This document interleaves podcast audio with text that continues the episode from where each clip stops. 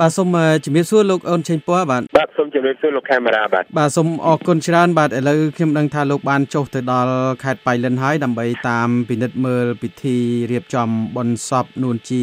បងធំទី2ដែលជាអតីតមេខ្មែរក្រហមជាន់ខ្ពស់ហើយលោកបានស្លាប់កាលពីថ្ងៃអាទិត្យនោះបាទតើលោកអាចបង្ហាញពីទស្សនវិជ្ជានៃពិធីបុណ្យសពនេះយ៉ាងម៉េចដែរបាទនៅពេលនេះបាទដល់ពិធីបុណ្យសពរបស់លោកនួនជាដូចជាពិធីបុណ្យសពរបស់ប្រជាពលរដ្ឋដទៃទៀតដែរបាទគឺធ្វើឡើងនៅក្នុងវត្តអារាមមួយដែលស្ថិតនៅក្នុងឃុំស្ទឹងកាច់ស្រុកស្លាក្រៅខេត្តបៃលិនគេហៅថាវត្តព្រំគិរីមរកតដែលធ្វើនៅលើកំពូលភ្នំបាទហើយជាវត្តមួយដែលមិនទាន់មានការសាងសង់អ្វីបានជាការគុតមុតទេ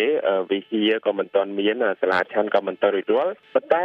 មឈូសនៃការរៀបចំសពរបស់លោកត្រូវបានរៀបចំនៅក្នុងសាលាឆាន់តែម្ដងបាទបាទសូមអរគុណលោកចេញពណ៌ដែលបានរាយការណ៍អំពីរឿងនេះបាទការធ្វើពិធីបុណ្យសពនួនជាហ្នឹងវាប្លែក ពីមេដឹកនាំរបស់លោកគឺប៉ុលពត បានស្លាប់កាលពីឆ្នាំ1900 98គឺថាស្លាប់នៅព្រំដែនកម្ពុជាថៃមិនមានការធ្វើបុណ្យសពអីត្រឹមត្រូវដូចពេលនួនជាត្រូវតុលាការខ្មែរក្រហមចូលរួមដោយអង្គការសហប្រជាជាតិកំពុងកាត់ទោសឲ្យលោកបានស្លាប់មុនពេលទទួលទោសទណ្ឌនៅក្នុងសំណុំរឿងចុងក្រោយនេះទេបាទពិធីបុណ្យសពនេះលោកបានបញ្ជាក់ខ្លះខ្លះហើយប៉ុន្តែតើលោកអាចបញ្ជាក់ពីទស្សនវិជ្ជានៃពិធីបុណ្យនេះយ៉ាងម៉េចដែរលោកឃើញយ៉ាងម៉េចដែរនៅពេលដែលលោកចុះទៅផ្ទាល់នៅទីវត្តអារាមដែលកំពុងតម្កល់សពនួនជានៅទីនោះបាទ បាទពិតមែនហើយលោកខេមរាដោយសារតែខ្ញុំបានមកដល់ពេលវេលាយប់ជ្រៅទៅហើយម៉ោងខ្ទង់10ពេលនេះមានជាការសម្រាប់របស់អ្នករៀបចំកម្មវិធីទៅហើយប៉ុន្តែក៏មានការដូចជាពិធីបុណ្យរបស់ប្រជាពលរដ្ឋសាមញ្ញដទៃទៀតដែរមានការនៅអង្គុយជជែកគ្នាដើម្បីកំដរបុណ្យសពនឹងបាទហើយសូមបញ្ជាក់ថាសពរបស់លោកនឹងត្រូវបាននាំ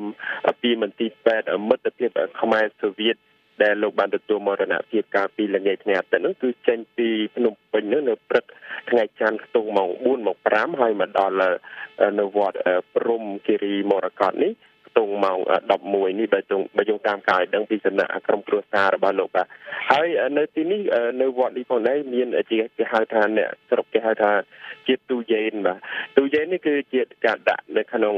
មឈូសមួយរាងធំប៉ុន្តែយើងជានឹងការតម្កល់សពនៅទីនោះ មានការដោតជាទូទឹកកកនៅរក្សាសពនៅក្នុងការសេតនាភាពបច្ចៈដើម្បី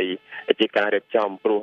បតាមក្រុមគ្រួសារនិងសាច់ញាតិរបស់លោកដែលបាននៅខ្ញុំដឹងមុននេះបន្តិចគឺសពរបស់លោកនឹងត្រូវតម្កល់ទុក រហូតទៅដល់ពិធីបុណ្យគម្រប់7ថ្ងៃតាមប្រពៃណីរបស់ខ្មែរនោះតែម្ដងបាទបើយោងតាមអ្នករៀបចំកម្មវិធីនិងក្រុមគ្រួសាររបស់លោកនួនជាដែលជាកូនចៅរបស់គាត់នឹងបានได้ដឹងថាមានមនុស្សម្នាជាច្រើនរយនាក់មិនទាន់ដល់ពាន់ទេនេះបើយោងតាមការឲ្យដឹងគឺពិច្រើនជាអតីតអ្នកដែលជាទាហានជាកម្មាភិបាលខ្មែរក្រហមជាមិត្តធ្លាប់រួមអាវុធនិងជាអតីតកូនចៅរបស់លោកនួនជាតែម្ដងហើយក៏មានប្រជាពលរដ្ឋមួយចំនួនផងដែរដែល ធ្លាប់ស្ថិតក្រោមការរស់នៅការក្រោមការគ្រប់គ្រងរបស់ខ្មែរក្រហមនេះអំឡុងពេលក្រោយមកហ្នឹងក៏បានបង្ហាញនៅសមាជិកអាណិតចំពោះការបាត់បង់របស់លោកនួនជាដែលបានទទួលមរណភាពនេះផងដែរបាទពិចារណាដោយសារលោកខេមរានិងប្រិយមិត្តអ្នកស្រាប់ធ្លាប់បានជ្រាបត្រាប់ហើយតំបន់បៃលិននិងតំបន់មួយចំនួនតាមព្រំដែនកម្ពុជាថៃនឹង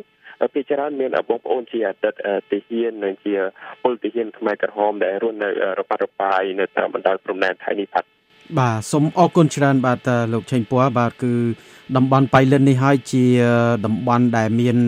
ការធ្វើសមាហរណកម្មលើកដំបូងនៅថ្ងៃទី15 ខែសីហាឆ្នាំ1996បាទគឺរយៈពេល23ឆ្នាំមុនដែលខ្ញុំបានតាមឃ្លាំមើលអំពីដំណើរការចូលសមាហរណកម្មនេះដែលមានកងទ័ពខ្មែរក្រហម ជាច្រើនម៉ឺនអ្នកបានចុះចូលឬក៏បំបែកខ្លួនពីក្រមប៉ុលពត ខៀវសំផននួនជានៅសម័យនោះគឺថាបានចូលមកមុនបាទនៅក្នុងខេត្តបៃលិននេះបាទហើយរាជរដ្ឋាភិបាលកម្ពុជាបានដូចថាផ្ដល់ជូនដូចថាតបទៅវិញគឺកន្លែងនោះអាចនឹងគ្រប់គ្រងដោយពួកគេដូចរបៀបជាស្វ័យយ័តទោះបីជាខ្មែរក្រហមបានផ្ដាច់ខ្លួនមែនប៉ុន្តែជានៅតែជាទឹកដីស្វ័យយ័តដដែលកងកម្លាំងប្រដាប់អាវុធក្តីឬក៏មន្ត្រីរដ្ឋការរាជការនៅពេលនោះឬក៏ មេដឹកនាំខ្មែរក្រហមអីត្រូវបានទទួលមុខតំណែងប្រជាពលរដ្ឋអីទៅបានទទួលដូចថាផ្ទះសម្បែងដីធ្លីអីទៅតាមអ្វីដែលពួកគេមានឬក៏មានការបែងចែកផ្ដល់ឲ្យបន្ថែមបន្ថែមទៀតនៅពេលនោះប៉ុន្តែនៅខ្ញុំចង់បានឲ្យលោកបញ្ជាក់ថាតើមកដល់ពេលនេះមានមន្ត្រីខាងសាលាក្តីខ្មែរក្រហមឬក៏មន្ត្រីនៅក្នុងមូលដ្ឋានថ្នាក់ណាទេដែលដែលលោកបានដឹងថាបានចូលរួមនៅក្នុងពិធីបុណ្យសពនួនជានោះបាទបើ តាមការសន្ទនារបស់ខ្ញុំខ្លីបន្តិចមុននេះជាមួយនឹងចៅរបស់ចាស់បង្ការរបស់លោកនុនជាតែម្ដងគឺមិនទាន់ឃើញមានមន្ត្រីសាលាក្តីខ្មែរក្រហមណាមួយបានមកចូលរួមក្នុងពិធីបុណ្យសពនេះនៅឡើយទេប៉ុន្តែអ្វីដែលខ្ញុំចង់បន្ថែមទៅដល់លោកកាមេរ៉ាគឺថាវត្តព្រំគិរីមរកតនេះមានចម្ងាយ2គីឡូម៉ែត្រពីគេហដ្ឋានរបស់លោកនុនជាដែលលោកបានរស់នៅជាមួយភរិយារបស់លោកមកទល់នឹងនឹងពេលចាក់ចិត្តទួលនៅឆ្នាំ2007នឹងបាទបាទលោកឆេងពួរតើអ្នកចូលរួមបនសពនួនជានេះមាន ប្រតិកម្មយ៉ាងណាខ្លះទៅដែលលោកអាចបញ្ជាក់បានយ៉ាងម៉េចអំពីរឿងនេះបាទ លោកខេមរាសួរលើសំណួរនេះគឺប្រហែលជាយើងត្រូវបញ្ជាក់នៅទីតាំងដែលយើងត្រូវសួរអំពីប្រតិកម្មរបស់មហាជនរបស់យើងទៅនឹងមរណភាពរបស់លោកនឹងជាដូចដែលយើងបានជម្រាបមុននេះបន្តិចបើសិនជាយើងសួរបងប្អូនយើងនៅបៃលិននៅតាមបណ្ដោយព្រំដែនថៃដែលជាអតីតខ្មែរក្រហមច្បាស់ណាស់ពួកគាត់នឹងមានសមានចិត្តអាណិតអាសូរនិងស្រណោះចំពោះការបាត់បង់របស់លោកនឹងជា ប៉ុន្តែសម្រាប់ប្រជាពលរដ្ឋខ្មែរផ្សេងទៀតដែលនៅតំបន់ផ្សេងនេះដូចជាខ្ញុំបានជួបប្រជាពលរដ្ឋមួយចំនួននៅខេត្តសៀមរាបដែលសិស្សតែជាមានអ្នកមានការរងគ្រោះបាត់បង់ឪពុកម្ដាយបងប្អូននិងធ្លាប់រងទុក្ខលំបាកនៅក្នុងរបបខ្មែរក្រហមលោកនួនជាបានគ្រប់គ្រងហ្នឹងគឺបានបង្ហាញនៅការមិនស្ដាយស្រណោះអ្វីទេប៉ុន្តែអ្នកខ្លះក៏អហោសកម្មទៅអ្នកខ្លះក៏បង្ហាញការស្ងប់ចិត្តដែលលោកនួនជាជាប់ពន្ធនាគារអស់មួយជីវិតហើយអ្នកខ្លះទៀតក៏បានបង្ហាញនៅអារម្មណ៍ផ្សេងផ្សេងពីគ្នាដែលចម្រុះ